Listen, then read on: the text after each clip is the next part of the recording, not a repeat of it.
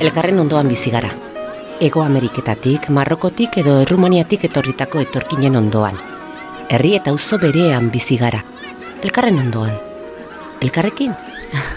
Erantzuteko hartuko dut herri batetik jaso genuen testigantza bat eta esaten zuten hemen parke bakarra dugu, denok partekatzen dugu parkea, baino aulkiak ez. Bankuak ez ditugu partekatzen, beraz bakoitzak badu bere lekua, horregatik elkarren ondoan bai, baino askotan elkarrekin aritzea kostatzen zaigu eta elkarrekin bizitzea ere bai. Zeren isla da hori? Ba, gizartean jatorriak, etniak, kulturak garrantzia handia duela bereizketak egiterakoan. Oso gizarte zatikatua dugu, gizarte ezaugarri ezberdinen arabera, sexu generoaren arabera eta noski kultura jatorriaren arabera ere bai. Zientzia puntu puntuan podcastaren hogei garren atalean, immigrazioa eta elkar bizitza. Ongi etorri. Zientzia puntu puntuan. Nafarroako Unibertsitate Publikoaren divulgazio zientifikoko podcasta. Emaio zuiaten adimenari. Aritzen Razkin, Fatima Uali, Orlando Lobos, Miren Fernandez. Instituto Publikoetako ikasturtea amaierako horletan, inon baino bekiago antzematen da gurean aspalditik gertatzen ari den eraldaketa demografiko isila. Altsasun edo tuteran, burlatan eta berriozarren. Iruñan noski. Gure gizarteak oraindik guztiz bere egin ez duen aldaketa. Egi alda hori.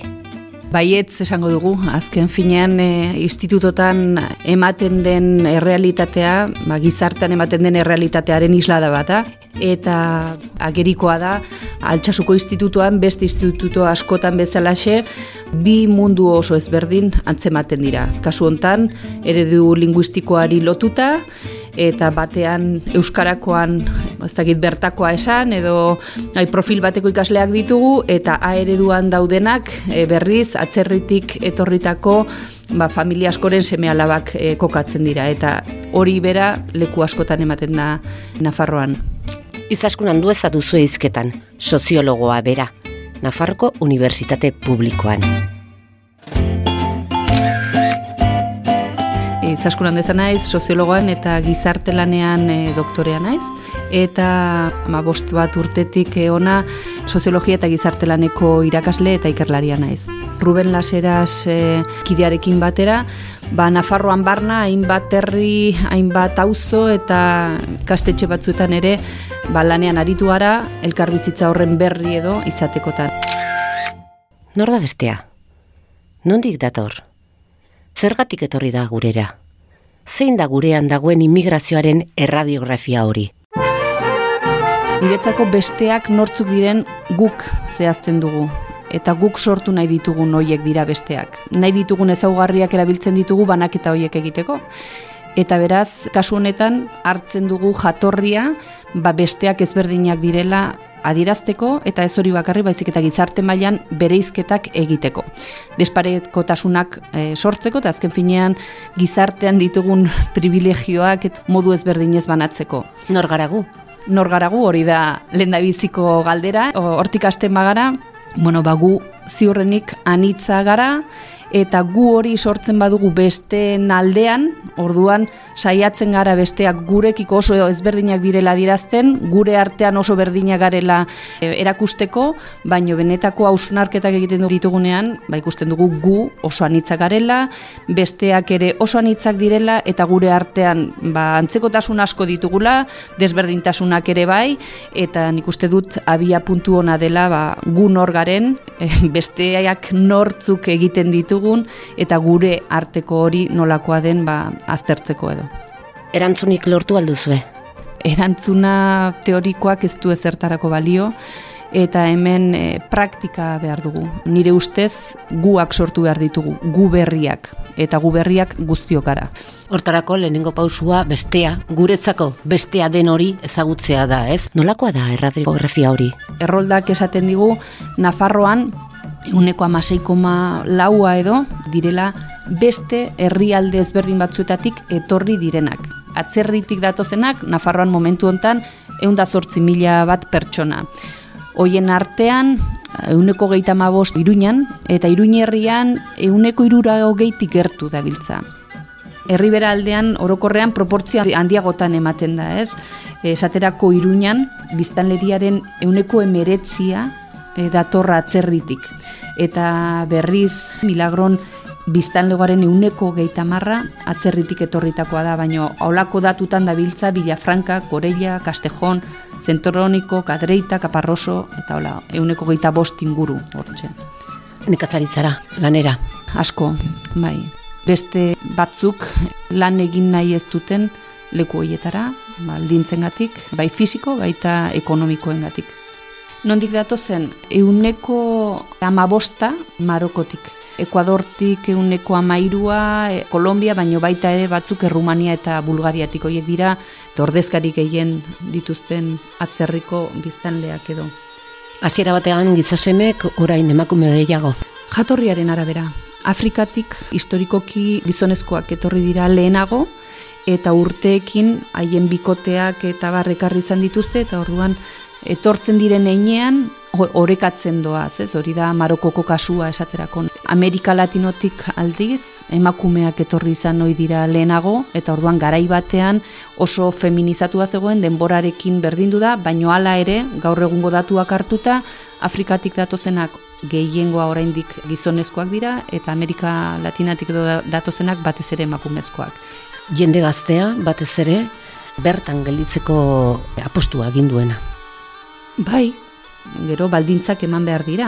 Horretarako ze e, jendeak behar ditugu ba, bizi baldintza e, egokiak eta bizitokiak eta eta hortan ba, lana eta etxe bizitza ba, funtsezkoak dira. Orduan, orain baditugu duela gutxi ditugun datuak irurtzungoak eta atzerritik etorritako etorkinen artean erdiak gutxi gora bera asmoa zuen hemendik bost urtetara ere irurtzunen jarraitzeko beste batzu ba, Nafarrotik e, barna beste toki batzutara eta baino haien herrialdetara itzuli esaterako euneko zazpia, zazpiko mabostak edo besterik etzuen nahi.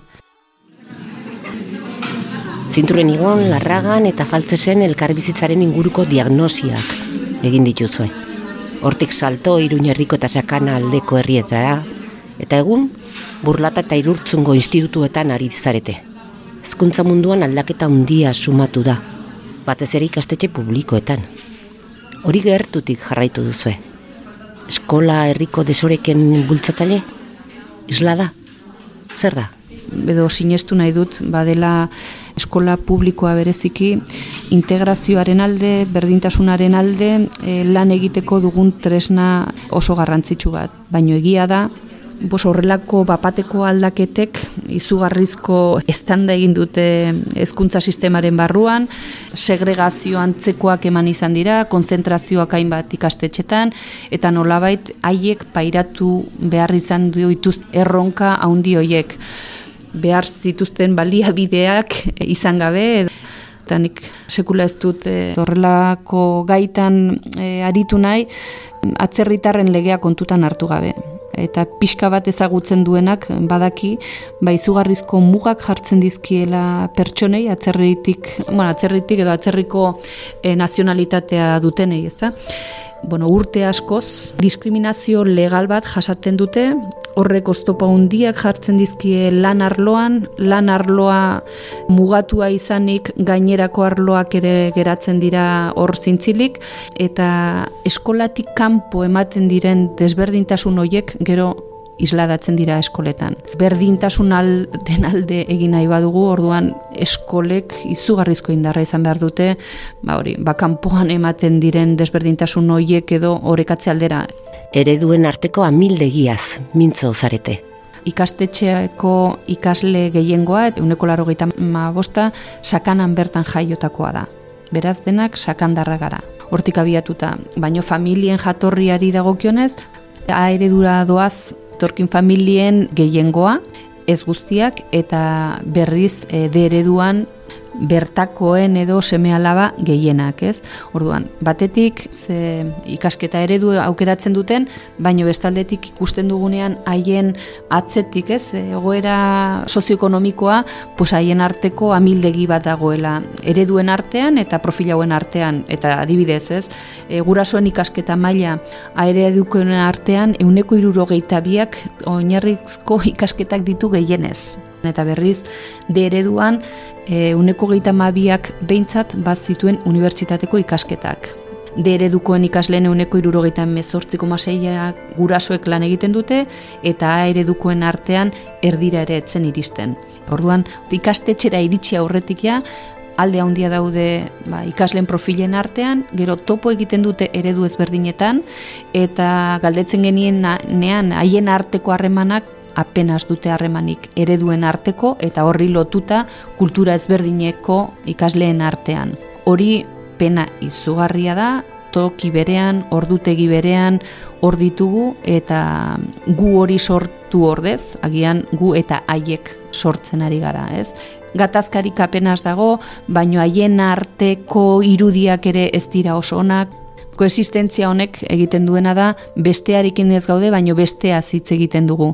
Eta baditugu aurre iritziak, eta haiekin ez, baino haietaz asko hitz egiten dugu, eta hori institutuan ere baizladatzen da. Eta ginduzu hausnarketa hori eredu bakarra duen eh, herrietan? Bai, herribera aldean egin izan dugu eta hor gatazka handiagoak ematen dira eta bertako gurasoek kezka handia dute, maila jisten dietelako, Orduan gatazka maila handiagoa koexistentzia ordez, e, orduan bai topo egiten dutela gela berdinetan eta bar. Eta alduten neurrian, hainbat herritan, bajotzen zuten hainbat kilometro egitera, herriko eskolan egon ordez, ba beste non baiten, torkinen seme alabeekin edo, aritu baino, nahiago izaten zuten beste toki batzuetara eraman. Eta ematen etzenean, ba hori gatazka gehiago. Hori herri batzuetan, beste batzuetan, izugarrizko lanketa onak egin izan dira, eta orduan, bueno, adibidez, Adibidez, e, faltzeseko herria esango nuke, hor e, ikastetxetik lan handia egiten zuten, ikastetxe bakarra, eredu bakarra, eta bueno, ba, ikasle guztien aldeko apostu oso potenteak eginez. Jakin min handia duten entzat, adimen erneko jendearen zat, zientzia puntu puntuan. Atzerritar lege aldatu, politika berriak sustatu erkidegoan, eta herrietan zer? Zer egin daiteke? Badira adibideak. Kultura artekotasuna eta futbola hasiko naiz horren ongi egin izan ez diren gauzak, ze askotan ematen dira, ez? Zer egingo dugu elkarrekin eta, bueno, futbol partiduak antolatu ditzakegu, ze bada gazten artean, ba, elkarrekin aritzeko aukera bat eta, bueno, orduan antolatu ziren eta joan ginenara eta ba, asteko presto denean, ikusi genuen, talde batean jarri zituzten nolabait ba, bertako jokalariak denak herriko ekipazioaz jartzita eta beste alde batean herriko taldean. Ez zeudenak herriko gazteak zirenak ez zirenak sartzen. Ba taldekide izateko 300 piko euro ordaindu behar zirelako eta orduan bakoitzak kamiseta ezberdin bat eta jarri nahi zituzten batzuk besteen kontra jolasten. Futbol partidu bat izan daiteke baina elkarrekin egin bar badugu ba biziko gauza egiten duguna da haien artean taldeak nastu eta berez naturalki egingo ez lirateken gauzak egin, ez? Krosa eta urdaiazpikoarena. Bueno, hemen osongi funtzionatzen du herriberako beste herri batean krosa, bai? Hemen hori da atzerritik datozena, marrokiarrak batez ere parte hartzen duten ekintza bat eta oso polita izan zen esan zeguten. Iaz irabazlea marrokiar bat izan zen eta claro, lehendabiziko saria urdaiazpiko bat zen. Ez zuen jaso nahi eta orduan hirugarreneari e, aldatu zion bere saria. Ez, badakite batez ere hortan parte hartzen dutela marrokiarrek eta haiek ez dutela ba, txerrikirik eta jaten. Bueno, ba, aldaketak egin behar ditugunean batzutan gauza txiki hauek dira. Horrelako hainbat eta hainbat adibide daude asmo honez egiten direnak baino gero ba, emaitzak lortzen duzu agian ba, bilatzen ez duzuna. Marokoarren ongi etorri beroaz faltzesen, adibidea jartzeko festa bat antolatu zen, non, bueno, ez da zer, da nola. Eta prozesu hortan, ba, marrokiar jatorriko familia asko aritu ziren, eta haiei bururatu zitzaien esaterako beraientzako festa beti etxean egiten dute. Eta beraientzako erakusteko modu bat izan zen, haien etxe bateko sala udaletxera eraman zuten, sarreran jarri zuten haien sala balitz bezala eta bueno, ba ongietorria egin nahi zieten simbolikoki nolabait, ez? Herritarrei haien kulturara gauza txiki, baino oso esanguratsua izan zen. Ez zen buelta bat ematea, ez? Harrera beste hoiek definiturik zeuden beste hoiek bezala udaletxean sartu eta beraiek faltzesko beste batzuei ere, ba harrera egitearena eta bueno, pues holakoak. Menuan mota guztietako jakintzak, egiazko jakiteak. Puntu puntuan beti ere.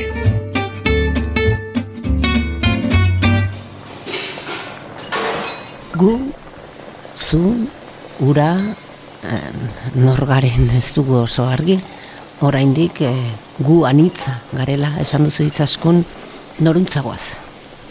Bueno, espero dut guanitz hortan anistasunak errespetatu, ditzak egun geroaldi batera, baino anistasun horren barruan e, norberak ba, hartu nahi duen bidea aukera berdinetan hartzeko eskubidea duen geroaldi batera joatea espero dut.